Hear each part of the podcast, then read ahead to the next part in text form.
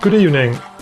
My name is Wilhelm, and this is the 20th episode of the Nordenrost podcast, or the 8th episode if you're following the track in English. With me tonight, I have Claes from uh, Germany, and we're going to talk a bit about gaming.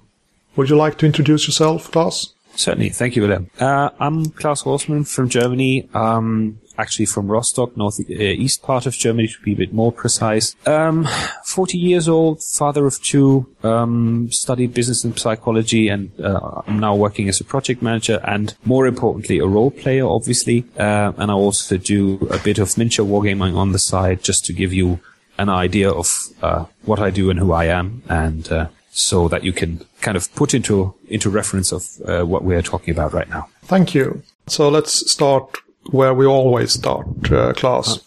Uh, what have you been playing lately? Uh, lately, uh, I've been playing as a GM um, a campaign which is using the Seven Sea rules uh, and is set basically in a sort of historical Caribbean 1660s. So it's a bit like like um, uh, what's the English word? It's Pirates of the Caribbean, the Disney movie. So that's where the inspiration came from. So we're running, um, the players are running a Corsair ship and they're, um, well, driving around the Caribbean, uh, fighting pirates, meeting ten- tentacle monstrosities and that sort of thing. And I've also started a campaign again using a rule set which is kind of like the Mage Sorcerer's Crusade, but a very reduced version. version. Um, and it's set in a fantasy world of my own design, uh, which is still very much under design. So I'm basically, I've kicked off the campaign. Uh, we're playing in one particular setting, uh, which is a, um, a harbor city.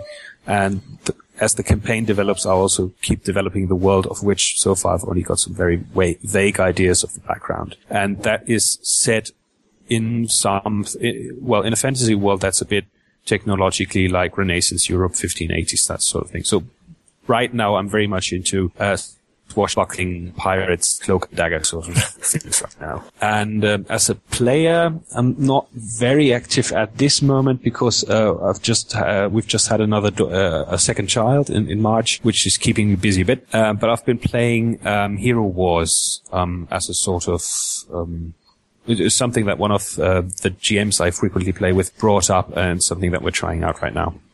Cool.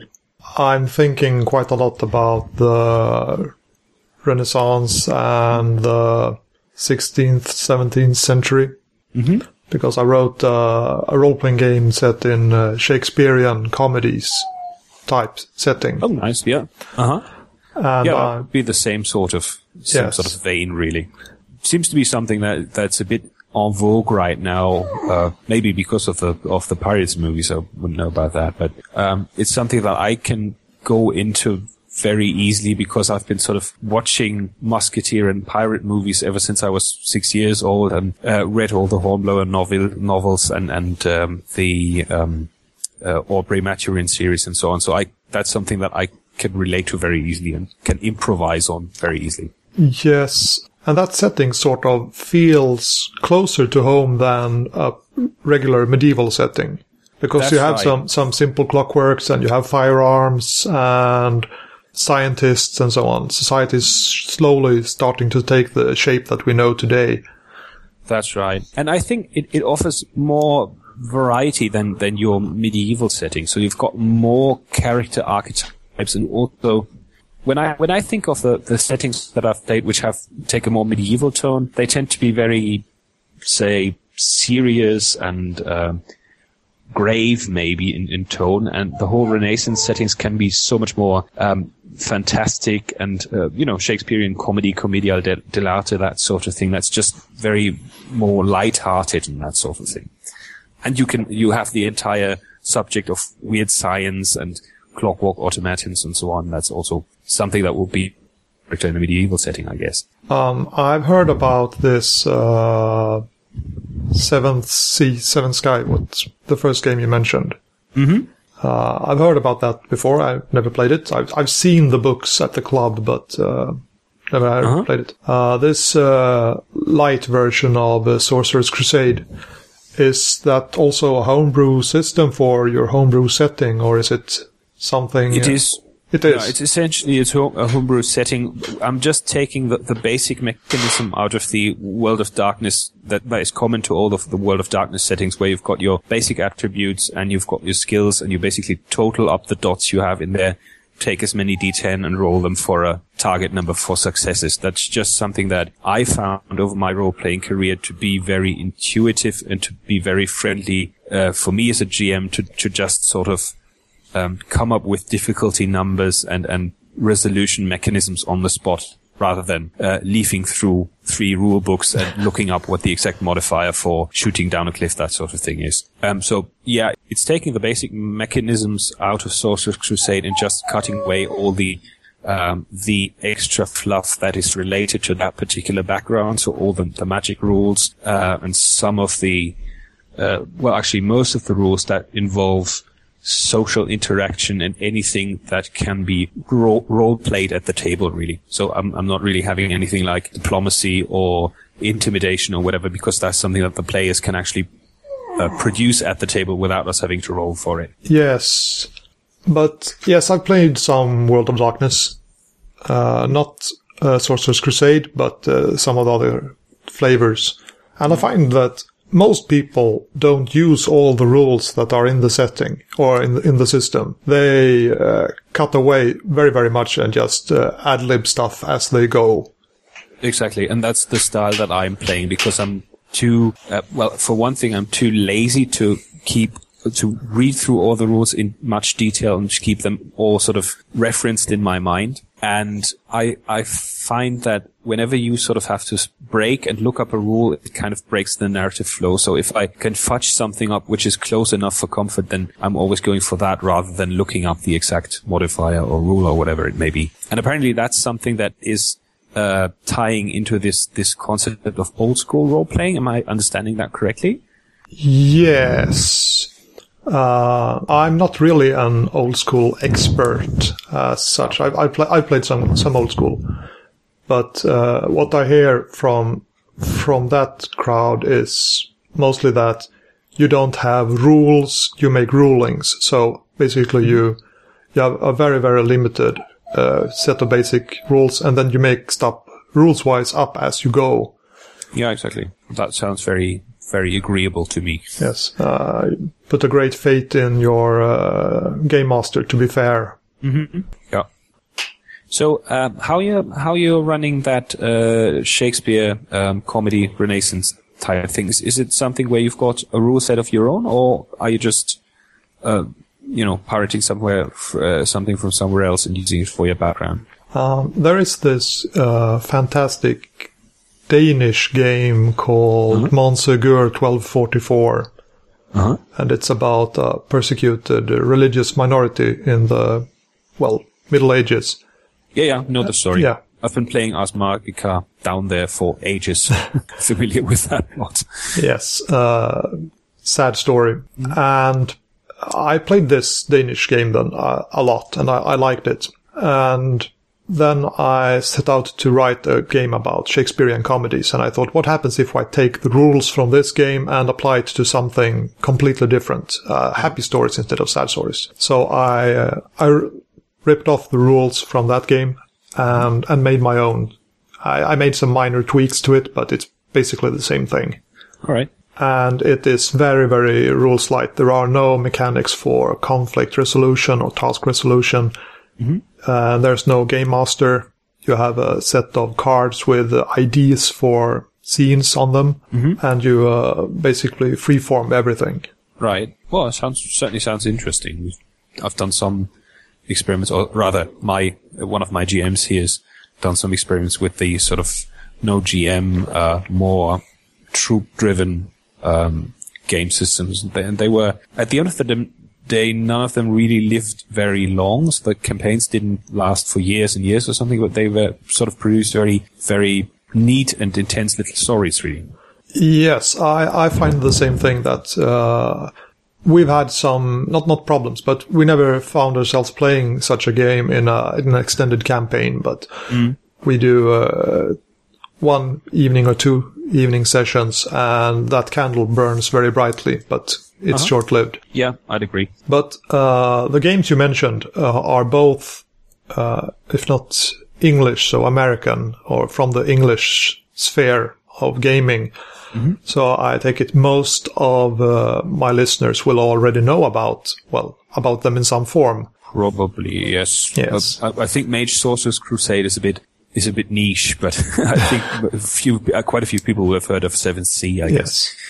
Do you play any German games? Because I know there are German games. I had a chat with uh, Alex from Switzerland Uh-huh. a while back, and he, he mentioned the, the, the German scene and the German games. We didn't go into much detail, but Yeah. I don't play any of them right now, so that there's kind of the the grand old man of German role playing, which is um, Das Schwarze Auge, which is I think it's translated into English, but I don't know what the title is. It's probably something like The Dark Eye or something, uh, which has been around ever since I started role playing, which would be uh, I think it got published in the early 80s and is in its third edition or so now. But it's it's not something I play because it's uh, the opposite of rules light. It's got a very very detailed background and very very large set of rules which sort of meshes into that background. Um, so it's not really my style of thing, let, let's say. And um, there are a few more systems that I know of that I've played. One of which is Engel, so Angel. That would be in English. I don't think that's been translated, as far as I can tell. Um, that was quite uh, we, we played a short campaign with that one, I think two years back or so. Um, and that was very fascinating because it's got a kind of, for me, a very weird background. So it's sort of post-apocalyptic, um, set in Europe, but basically you've got a very feudal medieval society which is governed by actual angels, so creatures with wings, with supernatural powers and so on. Uh, and without wanting to spoil anything, they're obviously not angels as in the Christian religion, but they've got a different, a sort of dark secret behind them. Um, very weird setting and very interesting resolution mechanism because it uses a set of cards which is um, it, it's not like tarot cards, but it's got sort of every card has a concept and it's negative, so it's something like doubt and faith on the same card, and depending on which way up you draw it, uh, that's the concept that's applying to your current action. Basically, as a as a player, you're asked when you're describing something you do uh, that needs ruling, you draw one of the cards and then apply that concept um, to what you're doing right now, which makes for very, very sort of introspective playing, maybe, or very you play more what your character thinks than what what he's doing actually. Oh. Um, and that was that, that was quite an, that's a, a very interesting uh, setting, very interesting system, and also a very nicely published setting because um, you know it's got the standard um, thick hardcover rule book with drawings in there, which everybody does nowadays. But the drawings and, and the whole layout of that is very uh, nice to look at and, and good to read. So a nice haptic experience. And uh, uh, the other thing that I've really only read, I haven't played it yet, is another post-apocalyptic uh, system which is called Degenesis. Um, I have actually read that one, post-apocalyptic, and it's coming in. Uh, it has been released in English now in an Eng- English language translation. has it? All right. Yes, I, I saw it on uh, uh, IPR. Yes, uh, they they carried it now in. Okay, well that's that's good to hear. I thought, uh, like I said, I haven't played it, but from reading the background, it's something that I've found quite um, appealing because it's it's managing to fit quite a few different societies and character concept into this post-apocalyptic setting without making it a mishmash. At least that's the way it reads. I don't know how it plays really. Uh, no, it never reached our table either. And uh, I think uh, those would be the German systems that spring to mind right away. Um, there must be a few more. There's there's another fantasy setting like Das Schwarze Auge, which is called Midgard, which I think is also a German, originally German system. I don't really know anything about that. It's, it's kind of very very much uh, a collector's piece by now. I think. Don't know. I don't think it's published anymore. Um, yeah, and there's bound to few to be a few others, but I'd say that the big names that you will see played um, everywhere in Germany are Das Schwarze Auge for one thing, and quite a few of the, the American settings like um, D&D and its successors. Um, Shadowrun is very big, I think, and as far as I c- can tell, the World of Darkness is still going very strong, even though it took a hit when they did the background change a few years back. But it's still being played very much, particularly in the in the wake of the Twilight movies and so on. If that's a good thing or not, I leave to the listener. uh, but uh, on the German scene, games are translated into German. So Shadowrun is available available in German, I think, yep. and Dungeons and Dragons was translated into German. Uh, yes, I think it not, not, I don't know if I don't know what the the last edition is. I think it's this Pathfinder thing, isn't it? Right? Uh, well, it's by a different company, and oh. according to Alex, uh, fourth edition was never translated into German, so. That might well be. Um, it, it, kind of depends on who you're playing with, but there are quite a few uh, people in my circle of acquaintances which um, which get the the English um, versions of the rule books either because they're out earlier or depending on, on what it is, sometimes you get pretty atrocious translation quality with the German products, but that really varies. But I know that um, Dungeons and Dragons certainly has been translated, Shadowrun also, and they are. I think they've they've the the um, editor who's publishing the the translated Shadowrun for Germany has also I think put out some source books for the German region or for the European region, which were originally published in German, as far as I know. And also the World of Darkness books uh, have been put out in Germany, uh, in German. I'm quite uh, fond of these uh, translations of games. I'm, I'm, making this whole podcast bit where I interview people from different countries because I want to learn more about gaming in other parts of the world. But mm-hmm. I, it makes me kind of happy and gives me a warm feeling inside every time I hear about a game being translated so it reaches a, a larger audience. Mm-hmm. I'd agree, particularly because I think there's there's probably a, a wealth of games out there published in Swedish, Spanish, French, whatever, which you never even hear about unless they actually get translated into English, even though they, they're, they're, they're probably, they're bound to be uh, some jewels, um, in, in that set. I actually know about a Norwegian game that is about to be released in German. Okay, uh, what's the name of that? Itras by, it's called in uh, in Norwegian, then uh, okay. Itras town, and it's a game set in uh, surrealistic early 20th century. Oh, okay. Uh, in a in a city set uh, that exists in a sea of chaos, uh-huh. and things are very very strange. Uh, monkeys talk, and there are buildings that only exist on Wednesdays, and okay. Uh, it's very odd, and it uses a card-driven mechanism for mm. for doing stuff, and it's quite fun actually because if you want to do something and you say, "Oh, uh, I I catch the thief" or whatever, mm. you do you because you said it, you did it. So you can't fail if you say that you do something. Okay. But if you want to add uh, an element of suspense here, you can draw a card from a deck and give it to another player who gets to narrate the success of your action. Okay. So these cards may read like, uh, yes, but. Uh-huh. So in the catch the thief example, maybe, yes, you catch the thief, but, and uh, some, something bad happens to you while you do uh-huh. this. Uh, and that actively engages the other players at the table. If you're playing a scene with just a GM and one player, it's easy for the other players to like drift off because they are not involved in the storytelling. Mm, have you experienced that? Yeah. Right. Uh, but here they have have to uh, be interested and, and, stay in the action because at any time one of them can be uh, instructed to narrate the outcome of an action. Mm-hmm. Yeah, I think that's that's a very good thing. No matter how you do it, I, I know that in some um, some stories that I GM uh, in the past, I sort of try to didn't always succeed, but I try to say that whenever only two out of the group are active in a particular scene, then the other two can just basically pick up any uh, non-player character they like and, and play them. Be they followers of, of the main characters or maybe antagonists or just, you know, uh, sidekicks and, and color uh, for that particular scene. So we've had, uh, whenever I actually remember to do that, that came across quite well because people sort of engaged and sort of felt they could relax from always concentrating on their main character and play something something cliche and cardboard cut out for for just a scene, which can be very much fun. So, um, it, I know that that Catherine has has told me a few things about you know her experiences with role playing games in Sweden. Is there something like uh, like uh, the the craze or the hype in Sweden right now about one particular genre or, or system or setting or whatever?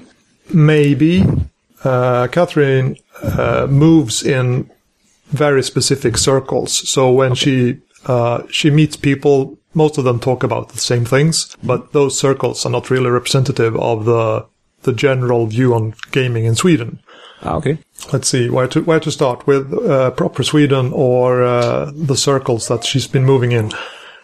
Well, I I think it's it's uh, it's actually interesting that you're saying that there's something like uh, the general view in Sweden because if I'm thinking about my experiences here in Germany, I feel that that most of the role-playing communities are sort of well isolated is is the wrong word, but they're sort of centered on their own city or their own place basically, and there's nothing sort of institutionalized which is linking them. Obviously there's conventions and you visit conventions in other cities and you may be active in an internet forum or something like that, but there's, I, I don't think there's something like the German role-playing scene or something like that. I don't know to what extent there actually is a Swedish role-playing scene, but we have a few popular Swedish games, uh, Drakar och Demoner, which is a basic role-playing game that has been around for ages, maybe uh, since the mid 80s at least. And then it was uh, another company came out with a game Eon, which was a very rules-heavy fantasy game, uh, and that attracted a, a large following. We had uh, a post-apocalyptic game called Mutant, which is sort of a Gamma World ripoff, but with a lower Gonzo factor. Okay. Uh, and those games Did you actually? uh, Because I remember, I'm, I'm also playing um, miniatures war games, and there was uh, there was one early '90s, I think, called the Mutant Chronicles. Is that is that related that in, in some way? Because I think it was actually published in Sweden. Yes. Ah, okay. Um, it's the company that did uh, Mutant and uh, Drakar och Demoner, the same company.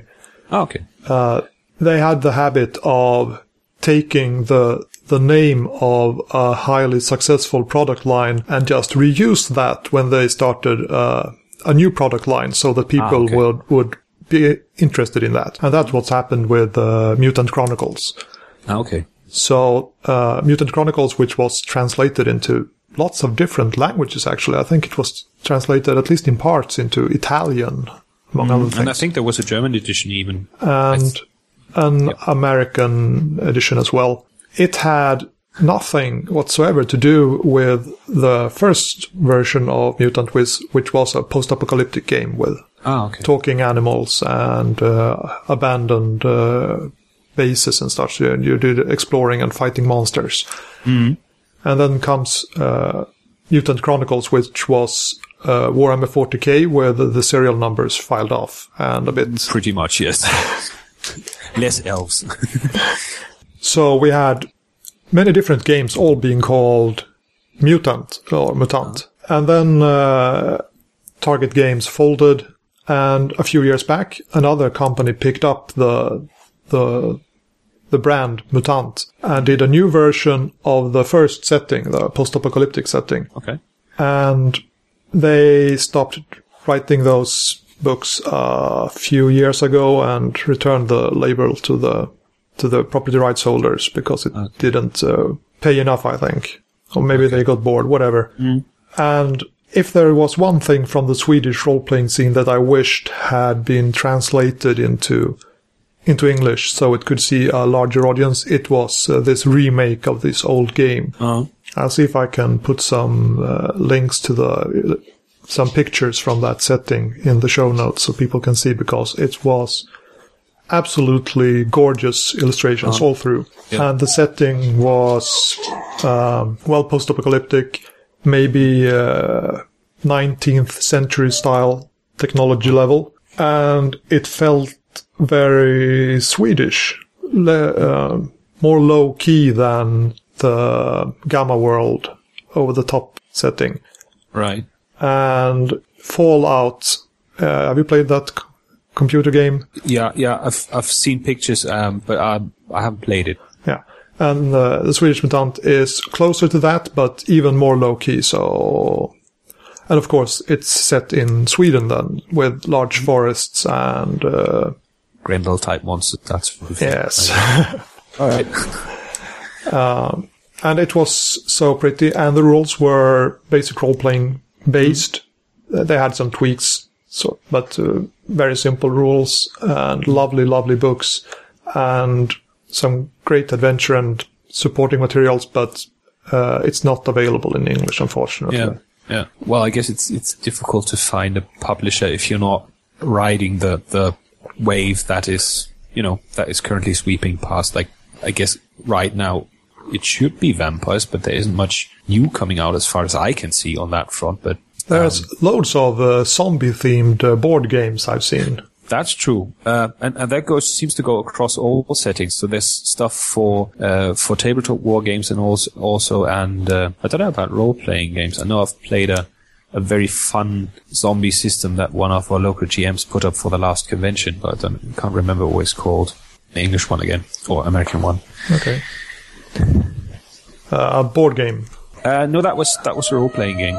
Um, basically a a, a one book system that that uh, sort of said, okay, if you want to play a zombie game, you've got different different um, styles like cinematic, um, gritty, uh, horror, whatever, and it produced rules for that. And we played one scenario with that. And that was that was a lot of fun, really. Okay. Uh, could it have been All Flesh Must Be Eaten? Yeah, that's the one. Okay, yeah. Uh, it has quite a lot of uh, supporting materials available, though, the system. Ah, okay. That may have been perception on my part. Then we, we just had a look at the. No, at but basic- uh, the basic rules are, are pretty neat because, like you said, you can do the kind of zombie story that you want. It supports many different kinds and it guides you as you make it your own and what kind of zombies do you want? Do you want fast zombies, slow zombies, or Yeah, yeah, exactly. And we, we had a very fun game because basically the, the setting was that we were playing a bunch of role players traveling to or from, I think, to the convention that we were actually playing on as players. And we got sidetracked somewhere in, in Mecklenburg into a strange little village. And, you know, from there on, it's all pretty zombie, but, uh, sort of having this additional twist of playing somebody who's actually traveling to the convention, uh, and playing a role player as a character was was quite fun, really. Uh, there is this uh, Swedish superhero game called uh, Supergänget. It has been translated into English as Super Crew, and it's a comic book explaining all the rules. Okay, Uh, a, a very short, maybe 16 or 32 pages comic that explains you how, how to play this game. And one of the cornerstones of this game is that you play yourselves. Mm-hmm. So uh, you have a game master, and he he starts starts every session like you're about to play a role playing game, and then uh, on the radio you hear something that's happening outside, and the GM excuses himself. I just get a glass of water, and all the players uh, excuse themselves from the table and rush off and transform into their super personas and go and uh, solve this problem, whatever it may be. okay, that's nice. There seems to be more more going on with the with the genre that is sort of exploring the the nuttier corners of, of what you can do with this format. I think that's something that seems to be coming up of late in the last few years. I think, isn't it? Uh, well, there, there has been some some very strange games in the past, but I think it's more common now too. Yeah, yeah. Uh, especially since uh, print on demand has made everyone a role playing game publisher. Yeah, that's right. So uh, previously, if you had wanted to make a game and wanted to publish it, you had to invest so much money to be able to uh, to print your book, and then if it didn't sell, you got stuck with hundreds of books. So it was quite a big step to take that and become a do your own game and sell it. And these days, you put it on Lulu or whatever, and it costs you nothing to to get your game out there. Yeah, that's right. And I think it's that that is something uh, something really brilliant about this day and age and the internet and everything. I mean, I've put together a, a set of, of wargaming rules actually for doing, you know, pirate ship battles and have published them over over a website and haven't ha- they haven't had much much feedback, but it was basically nice to just put to what I've put together out there to see if somebody's interested in it. And particularly with the games that I'm playing right now, which are very close to historical uh, uh, models or whatever, uh, there's such a wealth of material out there sort of available at your fingertips. I mean, Google Earth is just my friend ever since I started playing the actual Caribbean and or Google, Google Maps. And uh, the same goes for for any kind of uh, well sources on on history uh, which are available from whatever Wikipedia or if you if you search for them on the internet. And, that's just something if I wanted to do that sort of research when I started playing mid 80s uh, I had basically the city library to go to which I did.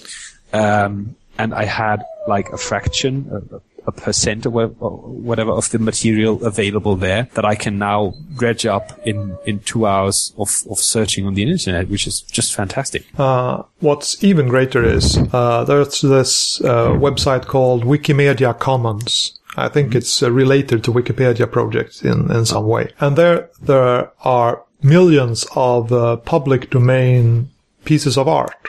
Mm. So I did my, my Shakespeare comedy game and I, I wanted to make uh, cards for it with all the characters. And I went there and I found these paintings from from the period, uh-huh. and they were all public domain since the artists died hundreds and hundreds of years ago. Yeah.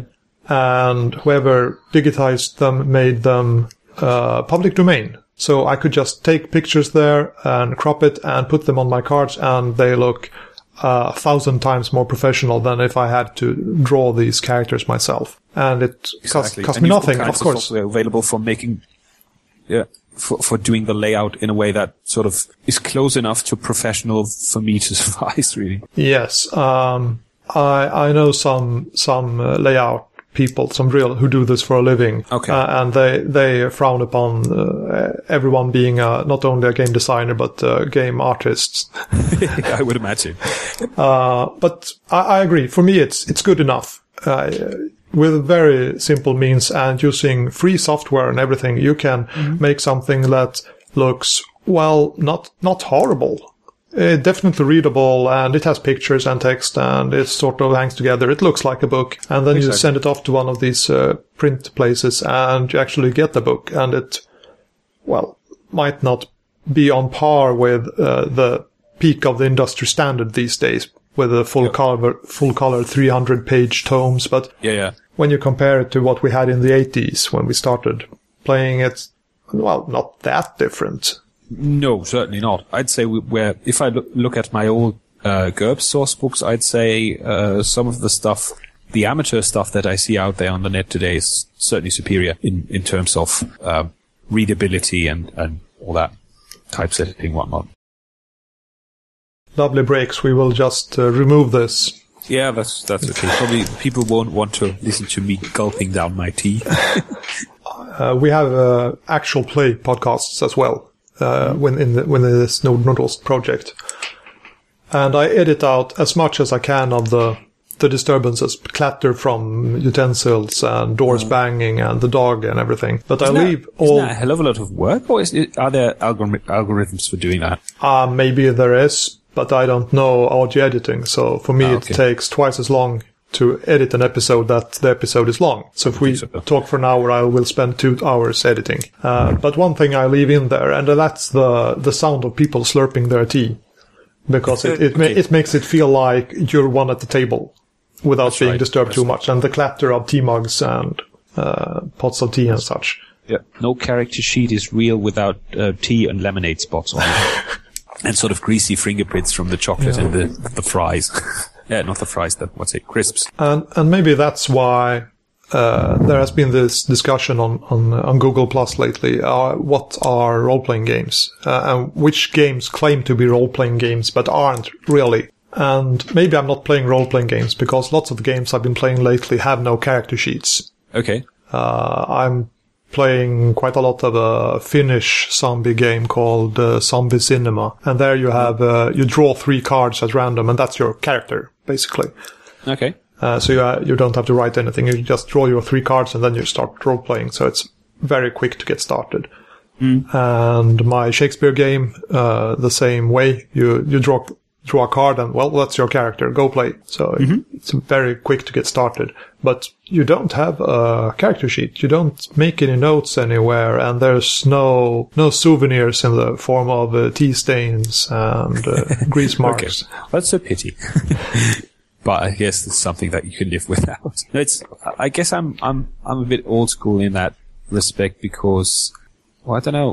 I, I think Uh, well, the character sheet as such uh, isn't isn't really important in any way. I think what it, it kind of is the the outcome of the char- of the character creation process, which I always, whenever I'm playing something that's not just for uh, two or three evenings, I try to get my players to sort of develop a background story for their character, just basically to provide me with some hooks on uh, that allow me to, to tie story elements to them. And again, for some reason, that process at the end produces a character sheet which may have, you know, stats and so on on it. But uh, and I guess the other thing is, um, well, I do like um, card-driven or uh, completely diceless systems or whatever the, the mechanism may be. I kind of um, still like games that have a dice mechanism because it produces random results which challenge me as both as, as, a, as a player and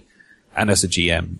Um, so it's not something I don't really subscribe to that simulation approach to role playing, which is of course legitimate as any other, but it's not mine. But I do like the the uh, you botch rolls or you can have spectacular successes dictated by a handful of dice and then um, the dice are on the table and the, the, the group is asked to uh, weave them into the narration in some way. Yeah. Now it can take uh, your story in unexpected directions. Mm-hmm. Exactly. Uh, regarding that involving the the players in, in, scenes where their characters aren't present, as maybe playing NPCs and so on. How far do your group take that? If I, I'm an, uh, I'm playing an NPC in a scene, can I make uh, significant uh, suggestions to the story, like, oh, I'm playing a, a random knight in the same scene, and uh, I approach one of the PCs and say, oh, well, uh, my daughter has been uh, taken away by a dragon. Would you be interested in going on a rescue mission with me? Is that something would be uh, acceptable in your story, or do they have to confine themselves themselves to color, basically? Uh, that's a that's a tough question to ask because I've just had a the, the last um, gaming evening, the last story for the pirate game uh, went pretty horribly wrong because I railroaded the group into a situation that I wanted to have them in for for the purposes of uh, the onward telling of the, the campaign plot. Uh, and I really bludgeoned them in the direction I wanted them to have, and they felt badly about that, which I can understand now after having spoken about that a bit. Uh, but I, what you just described, ideally, I'd say that's fine. If I've got players who sort of uh, pick up loose ends in, in the in the narrative and and tries to tie something of their own to it, that's fine because more often than not, that's uh, that will develop into a story of its own. On the other hand, I'm I'm just somebody who's very uh, fascinated by my own meta plots, my own campaign narrative. I, have been there, I know. yeah, yeah. So um, even in an ideal setting, I'd say there would be areas uh, or scenes which are off limits because I want to have them for my meta plot. Yeah. And that's sort of the theoretical ideal. The practical side is that it's not happening as much as I'd like to see it. And it's not because the players are stupid, but it's because it kind of requires switching mental gears and sort of seeing, okay, I've got an idea now and this is actually a place where I might float it and where, I put it out to the group and see if they pick it up. Um, and, and players have to switch into that mode of thinking from I'm I'm in my character right now. I'm just thinking about what my character sees, what he does, yeah. uh, what he wants to achieve, and and this sort of mental switching of gears is is difficult to achieve, particularly if the if the GM is uh, kind of uh, staring fixedly at the meta plot. um. So um, it's really that, that is something that I'd like to do more of because the few times I've managed to do it paid off very very uh, uh, satisfyingly, but it's something that I find difficult to achieve, but still worth striving for. Yes. Uh, if we go back to my example with the knight, the player who, who suggested this, uh, this subplot of going on the dragon kill, mm-hmm. uh, he will be very, very invested in that storyline. He will uh, really embrace that because it was sort of his idea in the first place. Exactly. Uh, and, and, having players who invest in your story even if it's in their own ideas, it's, it's good for the whole, whole group. It builds momentum and builds interest and builds enthusiasm at the table. Yeah, certainly does. And in an ideal world, it would even I would even find something to tie that uh, to, to allow that story to unfold and then to, at the end, to tie it back into the meta plot in some way because the dragon is also part of the big dark conspiracy trying to, you know, um, to, to, uh, dominate the world and so on. So again, in an ideal world, uh, the ideas that the players come up with in their characters and outside their characters are something that enrich the, the sort of story of which I have this rough outline in, in, in my mind. Um, I want to talk about my first game. Uh, it's called Höstdimma, and it's a post-apocalyptic game set in the, well, uh, pseudo 17th century musketeers and so on. Post-apocalyptic okay. game. And it was my first game, and I did that just as I got started with, uh, I was bored with the traditional games we were playing and they were so rules heavy and so on. So I made this game sort of as an anti-example. I, want a game that looks like this instead. Mm-hmm. And it has a mechanic that you might want to borrow for your games, judging from what I hear from you. Mm-hmm. Uh, every player gets a few uh, tokens at the start of a session, one to five, basically. Three or four or five is good numbers, all of them. Mm-hmm. And by spending one of those tokens, they can take over the, the, the GM's chair for just a little bit.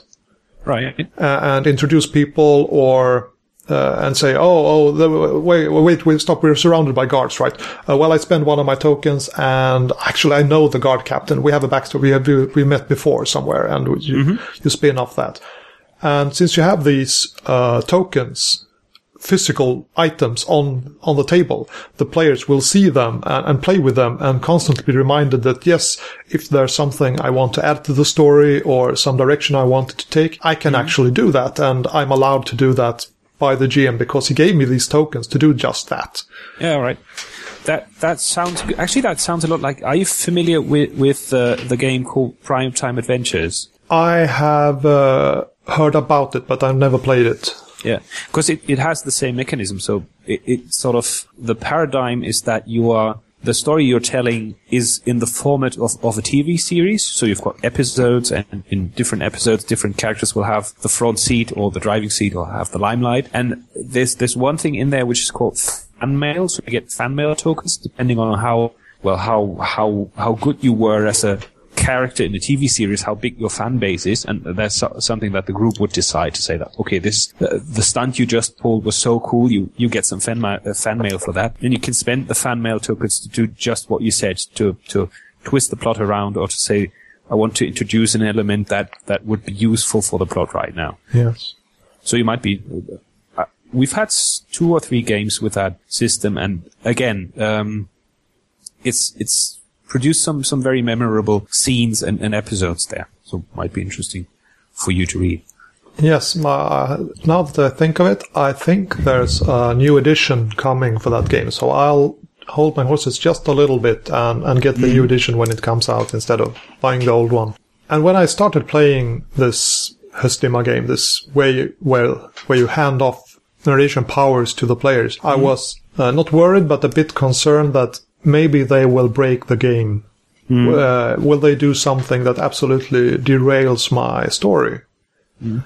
But I run this game loads and loads of times at conventions, and it never happened. I must because have... most of the time you don't get players which I mean, I suppose they could break the game or break the story intentionally, but I've really never met any players who would do that because particularly if they sort of, if they are at that stage where they say, okay, I want to play something different from the, the, the old time classics, uh, the rules heavy systems, whatever, then, then they already have this sort of instinct for, for story or whatever you want to call it. Yes, we have a, a, shared view of what the story should be like, and they, exactly. as much as I want to to keep to that theme.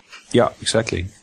So what's what's your impression with the people that you've played with? Is that the future or is that something that some people will do and will keep on doing, but it's not going to replace uh, the, the, the Grand Classics, say? I don't think uh, these story games will replace the traditional games. Mm-hmm. But I think the traditional games will take some elements of the story games and incorporate them uh, and on that vector spread them to a larger audience.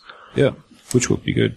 And I also think that we can recruit new gamers in in uh, from the other circles for the story games than from to the traditional games. It's true. So yeah. so we uh, open up uh, more potential gamers out there by widening our hobby and playing in more different ways. We make it attractive to to more people.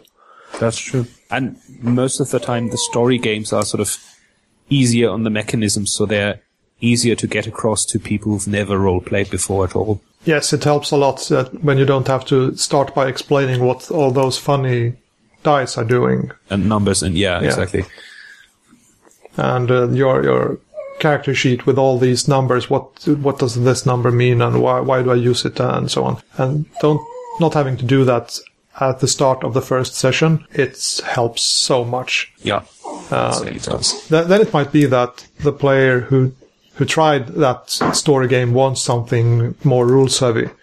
We I just had a player leave one of my groups because we introduced him wi- with these very rules light story games, Mm-hmm. and he want he realized that he wanted something with more crunch. Yeah. And we didn't want to go there, so he said, "Oh, thanks. It was it was fun. I'll I'll find another group that plays something more crunchy." Yeah, And yeah. well, of course, I was sad to see him go, but on the other hand, the hobby gained a new player, and Exactly. that was and, good. And I think that the, the sort of the age of the wars of faith on that is, is pretty much past as far as I can see. I mean, both on the the German forum that I read occasionally and, and in the dis- that we have on uh, regular pub night here in, in the in the Rostock scene, um, I'm I'm getting the drift that basically people say, okay, there's there's people who want crunchy games, people who want narrative games, and uh, none of them is the holy grail. Whatever floats your boat, just make sure that you, like you said, we get people into the hobby. Yes, because I've seen it work the other way around. That there've been crunchy groups, and they get this player in the group, and it doesn't really work out. But uh, but uh, that player has moved to to our group and played story games instead, and become a, a valued core player in our group. So it it goes both ways. And that's a good thing. Do you have any more topics you want to bring up? Um, just a question. Uh, this this whole um, concept of indie role playing. Um, what would you understand under that, or wh- what you see? Would you see under that caption? Because I'm, I wonder if I've got the same idea about what this is, or whether that's actually something new that I would want to read up on. it's a dangerous word that indie Okay. games because it uh, some people have very strong opinions of what constitutes uh, an indie game. Right. There's the aspect of the self-published game. And then there are people who say, well, an indie game is sort of uh, a game following the style of games that we saw on uh, The Forge, which was an uh, American language uh, role-playing forum. Ah, okay. And some people mean, oh, uh, an indie game is a, a story game. And some say, well, it's all of these things. And Okay, so it's kind of a catch-all for anything that isn't D&D, Shadowrun, the, the, the big tomes, basically. yes, it, some see it like that. And I, I often use this word, uh, in the role-playing game when I'm careless.